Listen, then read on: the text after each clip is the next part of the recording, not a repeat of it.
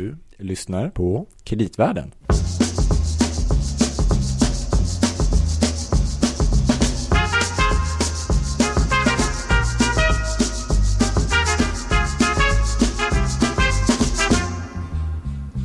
Kreditvärlden är det alltså. Det stämmer. Mm. Med Gabriel och Louie. Ja, Gabriel. Louie. Just det. Mhm. Eh, Här är vi igen. Ja, nu sitter vi åter i så att säga hemlokalerna för podden. Ja, det stämmer. Vid Norrmalmstorg. Mm, hos Danske Bank. Just det. Men Och- du Gabriel jobbar på, Stockholms stad. just det. Mm. Och eh, vi sitter här och eh, pratar med, eller ska prata med, Thomas Ris. Just det. Välkommen tillbaka Thomas. No, jag tackar så mycket. Det är alltid trevligt och, och, och givande att, att vara med här. Ja, När du, när du är här då är det vår i luften ofta. Ja, det råkar så. ja. Ja, i år, i år särskilt. Ja, Ja. ja. exakt. Det kommer vi kanske vinter. tillbaka till. Jo, Just Mm, den känslan. Mm. Men du har varit med flera gånger tidigare och vi eh, tycker att det är så trevligt att prata med dig och intressant. Så vi är Tack. väldigt glada att du är tillbaka igen. Mm. ja, jag gillar att vara här så att det Vi ska också säga om eh, man inte har lyssnat på dig tidigare och vill lyssna mer efter det här avsnittet, det är inte omöjligt. Då kan man gå tillbaka till avsnitt 98 när du var med förra året. Då hette det Medan vårt hus brinner. Mm. Dramatisk titel. Just det. Och uh, ska vi också säga att du är lektor i strate- strategi och säkerhetspolitik vid Försvarshögskolan. Ja. Mm. Men jo, men en grej så här inledningsvis Thomas. Eh, jag har tänkt rätt mycket på dig sista tiden faktiskt. För att du har ju pratat flera år tillbaks eh, när vi har pratat så här globala risker med dig. Då har du hela tiden tagit upp det här med pandemi. Och nu så verkar det som att vi har en pandemi här. Jo, jo, det stämmer. Det är ju egentligen ingenting nytt, men, eh, men att för, för oss som sysslar med de här globala säkerhetstrenderna Mm. så har en pandemi alltid varit en av de allvarligaste eh, potentiella katastroferna. Men sen finns det ju olika grader av sådana här sjukdomar. Ja. Det här är inte den första, den 2002 hade vi sars och så vidare. Mm. Men att det, det, om den blir riktigt allvarlig så då är ju pandemin en av de största hoten som mänskligheten står inför. Men, men pandemi menar man egentligen det är en epidemi som, blir, som sprider sig och blir global? Eller typ Och jo, som är mycket smittsam. mycket smittsam? Och Okej. sen blir den väldigt otrevlig om den är mycket dödlig samtidigt. Mm. Just det. Men turligt nog är det ofta ett motsatsförhållande mellan de här två. Va? Att om man, Ja. om man får den lätt så är den ofta inte så dödlig kanske. Jo, det, det, det, ofta är det så. Till exempel Mm. typ influensa som sprider Mm. sig runt hela världen. Och, och, och Världshälsoorganisationen har, har sagt att nu vet man inte riktigt för, för informationen är lite bristfällig men att enligt vad de vet nu så är det här inte ännu en pandemi. Nej. Men de räknar med att det kommer att sprida sig. Mm. Just det. Mm. Och det ser vi ju liksom varje dag. Ja. Att det är nya fall på nya platser. Jo. Mm. Men är det ett av problemen då kanske att är den här extra farlig för att den har så lång inkubationstid? Att man hinner flytta sig långt till Ja, exempel mellan det. att man är smittad. Jo, tydligen är det ju det att man kan vara en eller två veckor och inte ha några symptom som helst. Mm. Men ändå vara bära på, på smittan och smitta andra. Mm. Och där har vi ju, det, det gör den här väldigt lömsk. Ja, just det. För att eh, det är svårt att identifiera den eh, innan människor blir sjuka och, och då kan de smitta väldigt många andra innan. Just det. Mm. Men eh, jag tänkte så här när man pratar just om risker för världsekonomin. Då brukar man ju prata ofta så här makroekonomiska risker och penningpolitik och sådana Ja. där saker är en sak. Och sen är det det här med geopolitik som du också är väldigt insatt i. Och sen pratar man inte så mycket om det här spridning av infektionssjukdomar. Så att den, som du säger, alla ni som jobbar med det, ni tycker att det liksom borde vara högst upp. Men sällan, ofta kanske den nästan försvinner i så här när man räknar upp det. Jo, jo, för, det- för, nu vet jag inte hur lätt det är att förebygga sådana här saker, men det är väl inte Jag helt lätt säga, är det för att det inte går att kontrollera? Nej, just det. Det går inte riktigt och, och det är inte lätt att förebygga det här. Och det är också svårt att hantera när det bryter ut för att det brukar ta tid innan man kan identifiera det. Mm. Och så tar det ofta ännu längre tid in- innan man kan utveckla motmedel, alltså vaccin. Eh, väldigt lång tid, så det kan vara svårt. Men däremot företag och, mm, och stater och så vidare kan nog förbereda sig för, för det här på många sätt. Men det kostar och det, det tar mycket tid från anställda Mm. och eh, då hinner man inte med det för att man har andra kortsiktigare prioriteter och så vidare.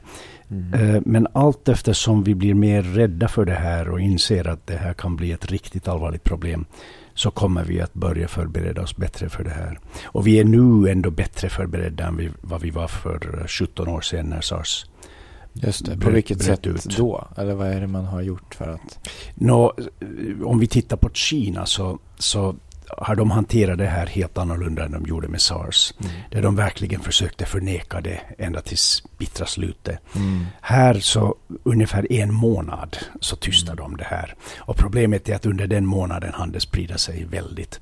Men sen när, när Beijing vaknade i början av januari då satte man in drastiska åtgärder och man var inte rädd för jag menar, extrema åtgärder. De här karantänstäderna och så vidare.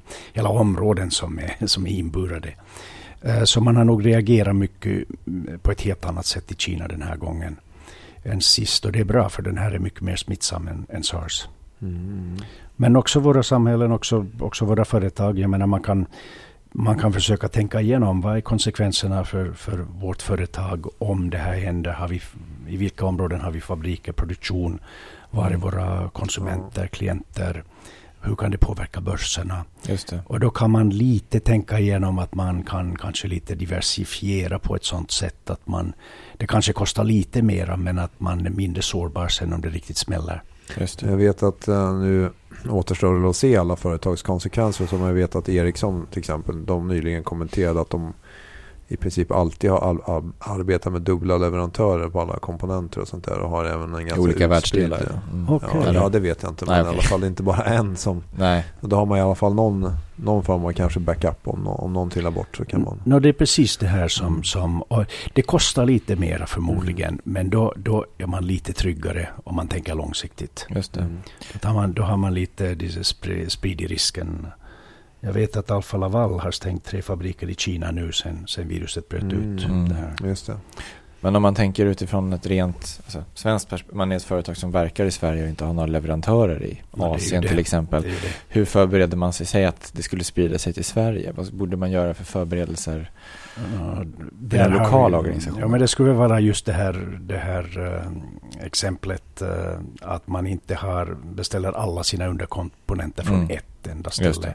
Utan man sprider det lite. Mm. Mm. Men sen är det klart nästa då förutom själva produktionen. Det är ju naturligtvis konsumtionen. Så att Mm. om folk är hemma, om man är inte turister och så vidare. Så är det klart då får det den påverkan på efterfrågan. Så att då drabbas man ju. Det är svår, den är väl svår att Mm. Jo, jo. motverka. Så. Och, och, och, och Kina upptar redan 20 procent av världens BNP. Mm. Så kinesiska konsumenter i sig är en, viktig Ja. faktor för oss. Mm. Och sen är det klart att våra konsumenter drabbas också. Om de blir rädda eller om de varorna som de vill köpa, om det inte går att köpa dem. Mm. Mm. För att, för att underkomponenterna inte kommer eller de inte produceras. Mm. Nej, precis. Och sen andra sektorer som turistindustrin, flygbolag och så vidare. De, de drabbas ju också hårt av sånt här. Mm. Men vi har, vi har ju pratat lite om Kina tidigare med dig. Eh, hur, vad tror du själv kring i så här risk eller sårbarhetsperspektiv nu då? För att det är ett land ändå som, alltså regimen där är väl just väldigt mån om att hålla igång produktionsapparaten Mm. självklart. Och konsumtionen. Så att man kan säga att man blir betydligt mer sårbar nu kanske då. Jo, alltså nu har de ju pumpat in miljarder eh, Mm. i ekonomin under den här krisen. För de har ju varit tvungna att stänga av stora delar av Mm. ekonomin. Så att det här är väldigt känsligt. Det, alltså det är två saker. Alltså den kinesiska kommunistdiktaturen där. eh, den, har ju, den, har ju, den har ju styrt den här hästen, den här ekonomiska tillväxten. Så att Mm. den har kunnat utvecklas. Och på det sättet så har den väldigt stor legitimitet i Kina. Eh, och samtidigt har den, men samtidigt styr den med järnhand. Det är väldigt mycket Mm. förtryck. Men det tolererar folk så, så länge som deras vanliga liv fungerar bra. Men de, men de reagerar väldigt hårt när de själva påverkas av saker som inte fungerar. Mm. Och på mindre skala brukar det vara lokal korruption och sånt. Mm. Eh, men nu är det på en nationell nivå. Det. Och det här eftersom som det, det sociala medier fungerar ju i Kina, även om det är väldigt sträng kontroll, så fungerar det. Och det verkar vara väldigt många som uppfattar att den kinesiska regeringen inte tog det här på allvar, tillräckligt på allvar. Mm. Mm. i början. Men sen, sen, sen, sen är det ju då att man, man, man skyller på de lokala i Wuhan, det, den, den lokala regeringens fel. Ja, och sen är det någon som säger nej, det var Peking som inte, inte reagerar och så vidare. Men i alla fall så den, en, den här sortens evenemang så kan vara farlig för en diktatur om, om en stor del av befolkningen uppfattar att de inte skötte det tillräckligt bra. Mm. mm. Och det kan vara ett skäl att de faktiskt har reagerat väldigt, väldigt starkt eh, för att försöka begränsa den här sjukdomen. Visa, visa handlingskraft. Visa att de kan. Mm. Och det är ju positivt med Kina just att, att de har en stark handlingskraft när de sätter igång. Å andra sidan när man tittar när man hör reportage från Kina så, så, får man intryck av att det är väldigt, också väldigt dåligt kött på lokalt plan. Att mm. man har väldigt lite koll på läge och så vidare. Men, men kan det vara en risk idag jämfört med när SARS kom? Att nu finns ju sociala medier till exempel. Även i Kina. Att, vadå? Att... Alltså att de som bor i Kina, medborgare, invånare, har mycket större möjlighet att ta till sig vad som händer i olika delar av landet. Ja, eller kanske uppfattar vad som händer och vad som inte händer med de som till exempel har fått sjukdom. Alltså, ja. vet, ansvarsutkrävandet blir större och att det därmed kanske blir oroligt. Eller? Men det blir det, även, även om kinesiska regeringen har ganska stark kontroll på information och så mm. vidare, så det går inte helt att kontrollera och inte i ett sånt här läge. Mm. Så att jo, det är klart, då kräver man mer ansvar från, från regeringen. Å andra sidan, om vi tittar nu så har de också reagerat mer ansvarsfullt den här gången än under sars. Mm. Dock med undantaget på den här första månaden som var fullkomligt katastrofal. För det är ju där mm. som det riktigt satte igång och sprida sig. Så att, så att, så att det, det är ett problem. Och det andra sen när det gäller kinesiska regeringen är ju det här som, som du tog upp det där att de, de, de, de måste på något sätt eh, hålla uppe den här ekonomiska tillväxten. Mm. För att de är rädda att om de inte gör det så kan det bli en social explosion. Ja, uh, och då måste man ha en stark ekonomisk tillväxt. Sen har man för sådana undantagstillfällen då reserver som man kan försöka men om det blir en långvarig kris, då kan det drabba kinesiska samhället. Om, om den kinesiska ekonomin eh, drabbas mer än bara under några kvartal, mm. eh, då kan det få större sociala konsekvenser. Mm. Mm. Men sen kan även den kinesiska regeringen säga att, ja, att det är ändå vi som är bäst lämpade, även om vi inte gjorde det här helt rätt. Så, det kommer de inte att säga, men att, men att så är vi ändå de enda som har en chans att styra det här enorma landet på någorlunda, bevara någon slags ordning i det här stora ja. landet. Ja, precis, precis. Men ändå är det det här, vad säger man, huvudbilden att Kina är, man är ändå pro-globaliseringen. Den no, absolut. Kvarstår. De är ju helt uh, beroende på den globala världshandeln. Mm. Och dessutom börjar de nu se att de kan utnyttja den allt mer också för politiska mål. Ja, när de växer och är en av världens starkaste ekonomier och när uh, de kan köpa upp företag och och infrastruktur i andra länder. Mm. Det, det, pengar är också makt ja. på det sättet. Så att de, de, jo, jo, de har ingenting emot globalisering. Och det minns vi ju från förra, inte i år, men förra års uh, World Economic Forum mm, i Davos. Då gick ju president Xi dit och talade mycket starkt för global mm. handel och mm. ekonomi. De är absolut beroende. Och där är vi på sätt och vis bundsförvanter. Mm. Men på det temat så har man ju sett nu, det pågår ju diskussioner till exempel det här med Volvo, att det ska bli kanske ja, liksom helägt Kina, men att det ska bli mer inlämnat i den kinesiska verksamheten. Vi har även sett eh, tror rapporteringar kring eh, det här med Nynäs Petroleum nu, att eventuellt Ryssland är på väg in och så vidare. Är det här någonting, ska vi uppmärksamma på det här kring både Kina och eventuellt ryska intressen som jo. i, vissa fall mm. försöker komma över mer eller mindre strategiska tillgångar och sånt här? Det måste vi absolut vara. För skillnaden från nu är att tidigare, då ska vi säga för 20 år sedan, så när världens elit bestod av det här G7, ska vi säga, de här mm sju västerländska länderna som hade starkast ekonomi nästan. Så då var vi egentligen alla i samma läger, så det var inte så farligt om ett tyskt företag eller amerikanskt företag köpte upp något stort. Eh, men nu de stora globala ekonomiska aktörerna, där är Kina med och Ryssland i sitt hörn, så de har också annorlunda politiska intressen än vi. Mm.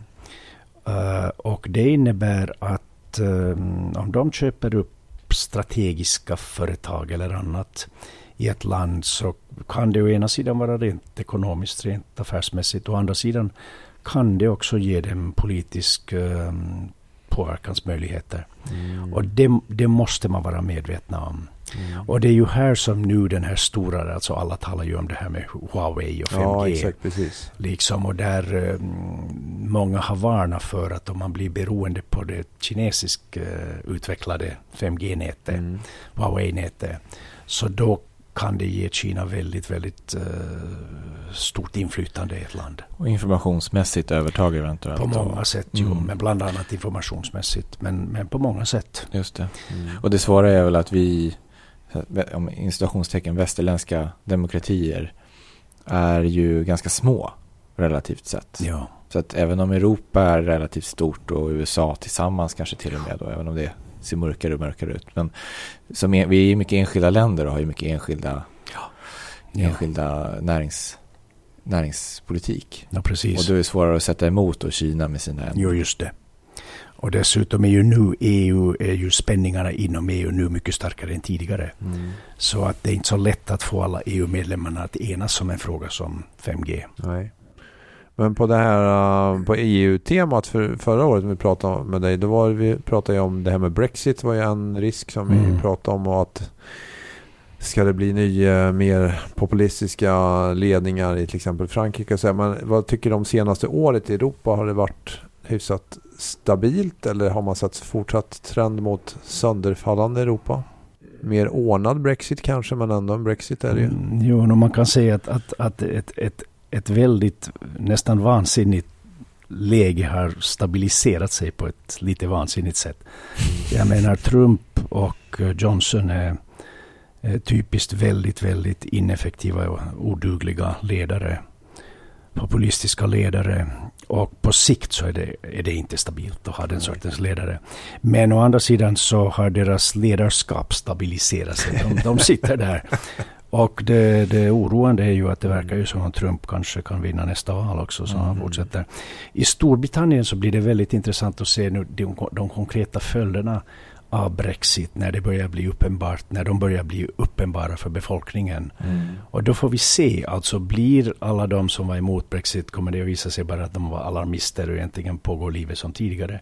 Eller kommer det att påverka eh, vanliga medborgares levnadsvillkor? Mm. Eh, och om det gör det, då kommer det att slå tillbaka mot, mot Johnson och hela Brexit-rörelsen. Mm. Kanske, eh, om man lyckas leda i bevis vad som är vad, så att säga. Ursäkta? Om man lyckas leda i bevis vad som är vad. Ja, alltså. det är just det, det är just det. Alla kommer att anklaga alla och det blir inte så lätt att bevisa. De som liksom brinner för Brexit kommer förmodligen ännu att brinna av det. Nej. Så, att, så där, har vi, där har vi problemet. Och det här är ju den djupa trenden i Europa, i stora delar av Europa nu, att, att en så stor del av väljarkåren har blivit så mm, radikaliserade. Mm.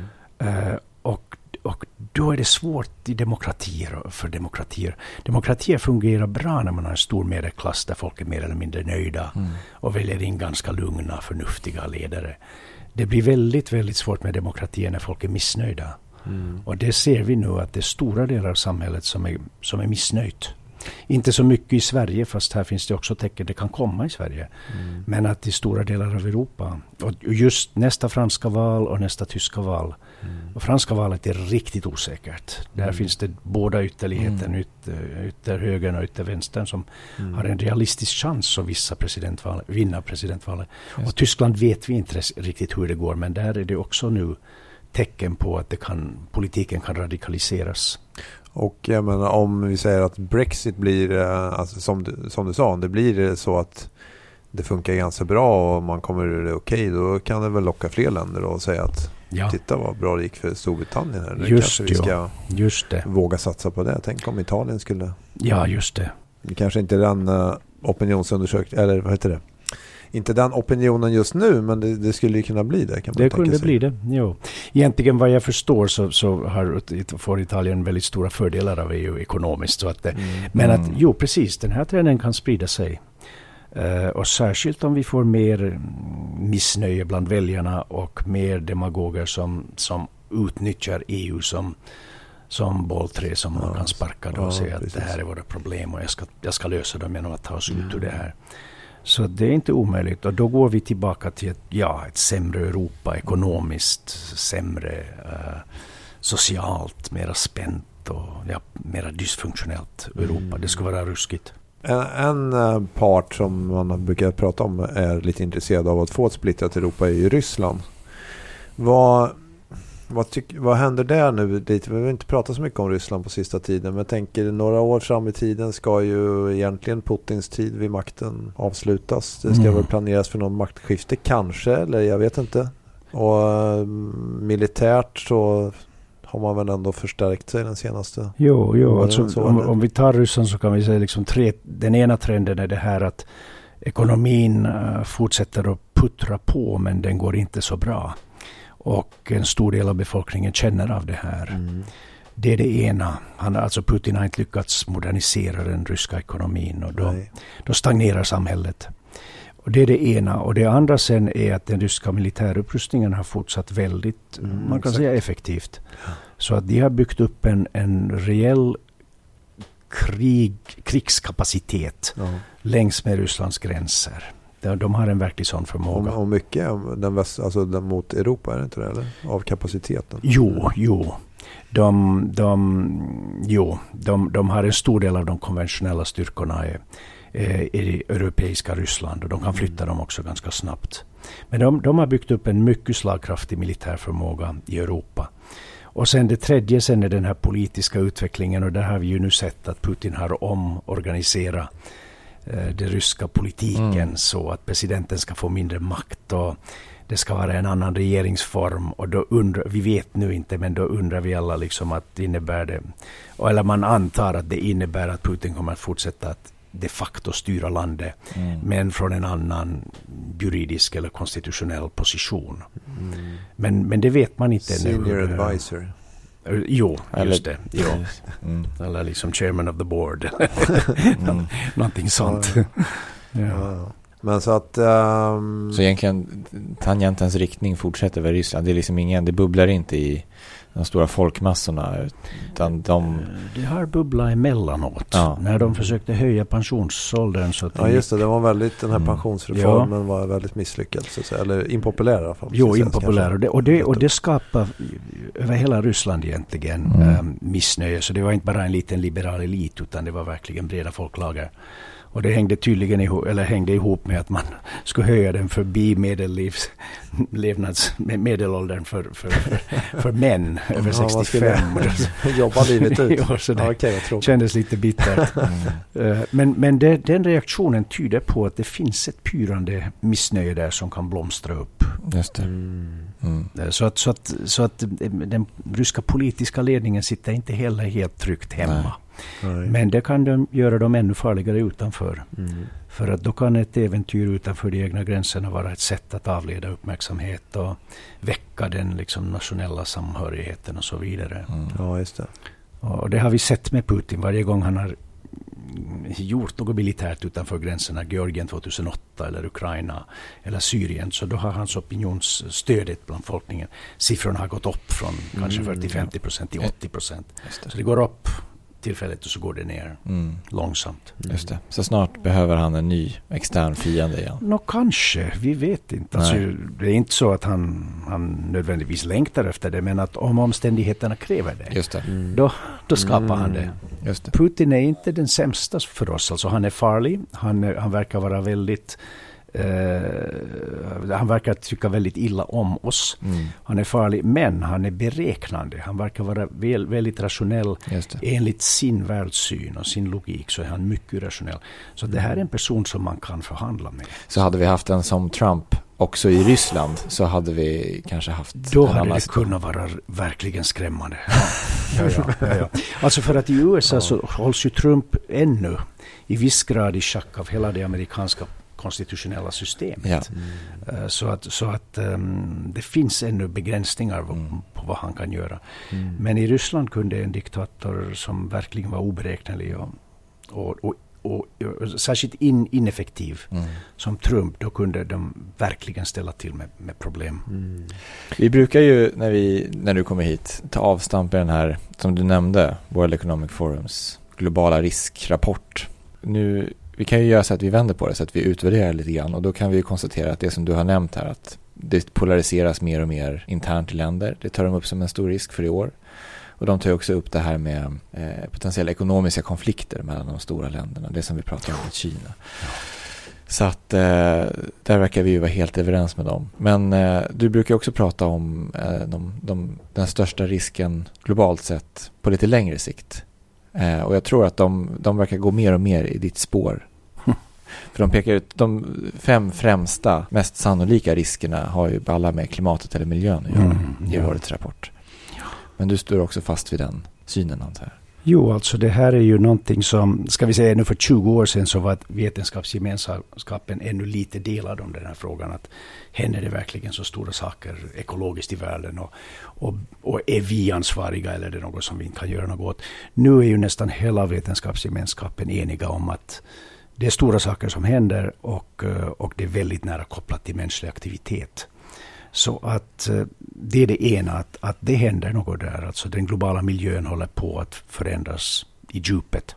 Och det andra sen är att det har enorma konsekvenser för oss. För det är bottenplattan, allting. Mm. Vår eh, teknologiska infrastruktur, vår ekonomi, samhällen. Allting vilar på den här globala ekologiska plattan.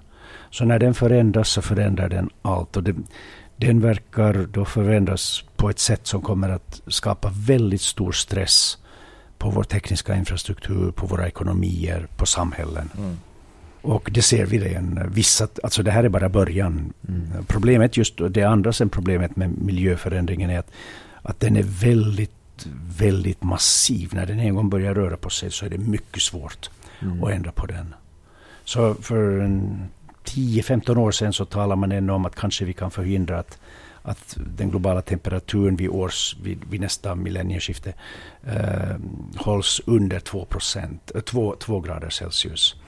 Um, och nu är det ingen som längre tror att det är möjligt. Alltså det kommer att bli tre eller fyra eller i värsta fall ännu mer.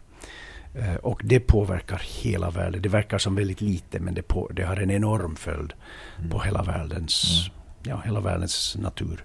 Och det, det påverkar samhällen igen, i sin tur. Mm. Men det är en grej som är intressant är ändå att rent politiskt om man tittar till exempel i EU så används ju nu miljön och klimatet som eh, det nästa tillväxtagenda för EU. När man pratar om EU Green Deal så är det ju, Mm. säger man EU-kommissionen, det är det här som är vår tillväxtplan. Ja. Den här omställningen och försöker även, Den konservativa EU-kommissionen till och med. ja till och med, ja precis. Ja. Så det har ändå hänt. Eh, Sen kan man alltid tycka att det måste göras mer och det måste gå fortare. Men Ja. det här känns ju ändå lite som en eh, game changer mot tidigare där man har försökt bara ignorera allting. Jo, absolut. Alltså, vi håller på att vakna nu och många andra delar av världen vaknar nu till att och inser att det här är ett verkligt problem. Problemet, eller problemet är sen det att man har kortsiktiga prioriteringar dit man borde sätta, lägga pengarna. Och det här är ett lite långsiktigare problem och då brukar ofta de här kortsiktiga problemen överväga. Och så, Mm. så, så, så satsar man inte på de långsiktiga problemen. Men nu börjar nog alla att inse att det här är ett så, så allvarligt långsiktigt problem att man måste reagera. Och det, det är där också som näringslivet kommer in. För då är det ju bästa lösningen är ju om vi kan hitta teknologier och sånt som... Eller en viktig lösning är om vi kan hitta miljövänlig teknologi Mm. som vi kan satsa på. Det är den ena. Men den andra blir det, det ofrånkomligt. Vi kommer att måste reglera sättet som vi, som vi lever helt Men det enkelt. kanske också är bra, jag tänker på nu apropå att det här är kreditvärden ändå. Så det här med att prissätta risk på rätt vis. Mm. Får man nu som man då försöker med försäkringsbolag och banker och vi andra att man så att säga ska ta hänsyn till de här långsiktiga riskerna så skulle man kunna tänka sig att det får påverkan för investeringsbesluten redan idag då. Även om det är en risk som ligger lite längre bort. Och Ja. om man då kan styra på det viset. Det, eh, mot är, det. det vet jag att vissa av de här stora återförsäkringsbolagen tittar på väldigt, väldigt i djupet faktiskt. Hur man ska kunna risksätta och hur man ska kunna hantera sådana här problem. Eh, jag vet inte om man har hittat några lösningar ännu. För eh, en slutsats som man kommer fram till här är att man kan inte kvantifiera det här. Det går inte riktigt. Nej. Och då måste man hitta andra sätt att försöka bedöma vad som händer. Och det är många som säger att ja, då är det intuition, erfarenhet, instinkter. Är det för att ekosystemen är komplexa och man kan inte förutsäga vad som händer när? Ja, det är inte bara ekosystem utan det är alla liksom kommande risker. Och det en, jo, det, är- det är för komplext. Om man sammanfattar det, jo. Och, det, och sen blir det ännu mer komplext för man kan inte isolera miljöproblem utan de är så nära kopplade med världsekonomin och sociala utvecklingen och så vidare. Och då blir det en väldig härdsmälta där som är mycket svår att, att, att kvantifiera och bedöma. Det finns en intressant forskare i, um, som heter Philip Tetlock mm. som, som undersöker nu människor som har kunnat förutse eh, händelser i världen. Alltså inte så att de sitter som en spågumma men som har kunnat på ett eller annat sätt eh, har, har en lång track record av att ha, ha rätta prognoser. Och han försöker analysera att hur har de, varför har vissa lyckats komma dit? Uh, och det här är något som ganska många tittar på nu, eller ska vi säga um, underrättelsetjänster och stora återförsäkringsbolag. Att hur, hur, uh, hur kan man försöka förutse i en oförutsebar värld? Mm, just det. Men blev jag lite glad när du sa att erfarenhet verkar bra att ha. ja. Det finns ju lite hopp i alla fall.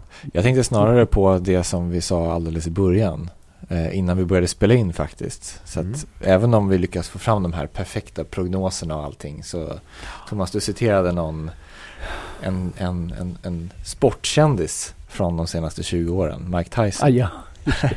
Vad var det han hade sagt? No, ja, ja, Tyson, det var lite annat, men att han sa att everybody has a plan until you hit them in the face, then they don't have a plan. alltså det, det, det, är lite annat, men ja. att, jo, det, ja, det, jo. det, stämmer. Men däremot så är det ändå värt att försöka utarbeta den bästa planen utifrån den bästa prognosen vi kan. Och jo, så får vi alltså hoppas det, att det räcker. Det är som att köra i dimma liksom. Det, det är bättre att ändå försöka kisa in i dimman och köra blunda. försiktigt än att bara blunda. Ja, eller titta i backspegeln. Ja. Mm. Så, så, att, så, ja. så, så, att, eh, så att jo, man måste försöka man måste försöka se framåt om mm. det går, men samtidigt vara medveten om att, att det är väldigt begränsat vad vi kan förutse. Men vissa saker kan man. Det andra sen är att även om man, om man sen har väldigt goda grunder att säga att det här är mycket, mycket sannolikt, mm. så då är det väldigt svårt att övertyga beslutsfattare på det uh, innan det faktiskt händer. Det kan vara mm. väldigt svårt. Mm. Det finns ett berömt undantag, det var ju Shell före den här um, OPEC-krisen på mm. 70-talet. Ja. Och där hade de en berömd sån här framtidsspanare som hade varnat för just det här. Och de hade lyssnat på honom och då hade de klarat sig galant i den här krisen, oljekrisen. Mm. Men det, det, är bara ett exempel. Det, det, det, vanliga är att vad vi kallar vi, att vi är katastrofdrivna. Vi måste liksom, katastrofen händer och så får man hoppas att den är inte så allvarlig.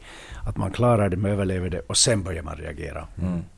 Men en, en, sista fråga Thomas, bara det här med vår försvarskapacitet och så här. Vi pratade lite grann tidigare, vi har pratat mycket om kommuner. Eh, och stretchad ekonomi och sånt där. Och ett, ett intresse som är mot kommunerna är, är, eller, ja, det är försvars och de behoven. Hur ser det ut på den fronten? Är det, det kommer behövas mer pengar även till försvaret framöver? Eller? No, vi har ju just fått se i nyheterna att det finns en enorm tomrum i försvarsbudgeten om man ska mm. uppnå de mål ja. som man har eh, blivit politiskt eniga om att uppnå. Jag minns inte vad det var, 55 miljarder som saknas eller något sånt. Men grundproblemet här är just det här att liksom alla sektorer i det offentliga saknar pengar. Och det här är inte bara i Sverige, det, är liksom, det här är gemensamt för nästan alla, alla utvecklade länder idag. Det finns inte tillräckligt mycket pengar. Och då är det en fråga, hur ska man prioritera? Ska, är det hälsovården som är skriande behov eller är det försvaret som är skriande behov? Och så vidare. Mm. Och det är inte lätt för att det finns inte tillräckligt åt alla. Nej. En svår nöt att knäcka. Ja, mycket, mycket, mycket svår. Mycket svår. Sen kan man ju sen fråga sig att um, används pengarna tillräckligt effektivt? Mm. Och här syftar jag inte på försvaret. Jag tror att där är man väldigt, väldigt uh, duktig på att förvalta pengarna. Men, men den offentliga sektorn i Sverige, om man ser liksom hur det går där, så ofta får man nog intryck att det, det är miljarder och miljarder som, som går åt som, till saker och ting som inte förbättrar levnadsvillkoren för, för medborgarna. Mm. Utan det går till administration och allt möjligt annat som, mm. som då behövs på ett sätt men egentligen kanske inte borde finnas. Mm. Nej, precis. Ja, det där får vi, ja, vi har ingen lösning den här gången heller tror jag. Nej, men det ekar ju ändå av det som Annika sa i avsnittet innan. Om att även, även hon som representerar kommun och region, alltså den offentliga sektorn, säger att det finns stora effektiviseringspotential Det är väl svårt att Men sen är det ju så här, det är inte helt lätt heller för att samtidigt så är totalförsvaret, då är kommuner och regioner en del av det. Så pratar vi tillbaka Mm. med pandemin här Precis. så ja, vi ska ha eh, beredskap för det. Även denna kostnad landar hos i den sektorn. Så Ja. det är väldigt stor Just kravlista som, och den här kravlistan känns som att den blir Så det gäller längre att och längre. Sen effektivisera har du rätt viss administration, du ska Ja. följa vissa regler och folk ska kunna överklaga beslut och man ska kunna klaga på sin lärare eller vad det är. Effektivisera rätt. Ja, jag tror att, kan- ja men det, frågan är hur lätt det är Nej, givet absolut. våra demokratiska, alltså Ja, det är svårt. Det är en väldigt stor fråga men om demokratin eh, gräver sin egen grav höll jag på att säga. Oj, det var en brandfackla som Louis kastade in här i sista Ja, sekund. Precis, Ja, något att fundera på. ja, Mm. bra. Som alltid väldigt, väldigt fint att ha det här Thomas. Nej, tack själv. Det är alltid spännande och, belysande att, att träffa er här. Men Mm. jag tänkte så här, vi brukar ju ha någon avrundande låt. Ja, det händer. Och i, lite ibland när du är med så blir det, det är lite blues. Så här. Det är lite vemodigt. Men ändå fint. Och vi gillar väl det här med frihet. Och då finns det en låt som heter Freedom Blues. Faktiskt med Mm. Little Richard. Mm. Det skulle kunna kanske Mm. Mm. svänga ganska bra. Vi, också. vi pluggar in den och ser vad som händer Louis. Snyggt. Mm. Tack Thomas. Tack för idag. Tack själv. Tack så mycket. Hej då. Hej hej.